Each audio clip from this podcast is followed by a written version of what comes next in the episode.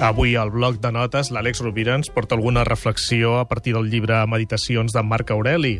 Què tal, Àlex? Molt bon dia. Molt bon dia, Gaspar, i no deixa de ser interessant veure que els clàssics ens aporten tant valor, reflexions tan útils i que de vegades els tenim tan oblidats.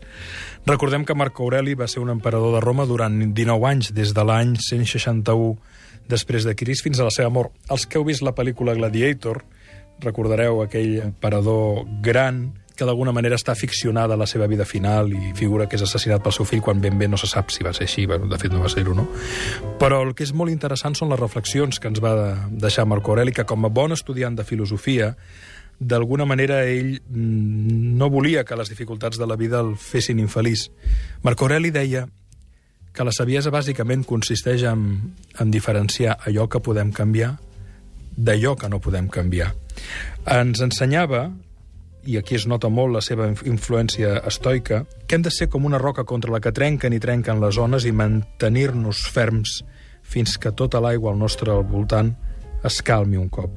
Ell deia, no diguis mai quina poca sort tinc perquè això m'hagi passat a mi. És molt millor que diguis quina sort tinc que això no hagi deixat en mi cap empremta amarga, que jo m'hagi mantingut ferm davant del present i que no m'hagi desanimat de cara al futur.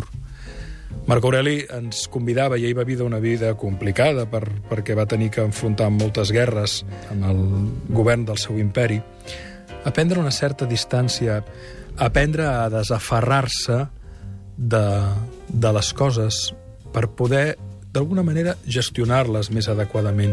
I això no és possible si no prenem distància de nosaltres mateixos. D'aquí el títol, Meditacions de Marc Aureli, però que ens conviden a la meditació, que ens conviden a la introspecció, que ens conviden precisament a un dels resultats que sabem que té la meditació, que és estar en el món, implicat en el món, però sense deixar-nos ofegar per les emocions. És una lectura que recomano vivament. Pot semblar feixuga en segons quins moments, però val molt la pena atensar-s'hi i, de pas, també atensar-se, per exemple, a Pictet, i entre d'altres obres jo recomanaria el manual de vida de Pictet, que és extraordinari. En vam parlar també aquí l'ofici amb l'Àlex.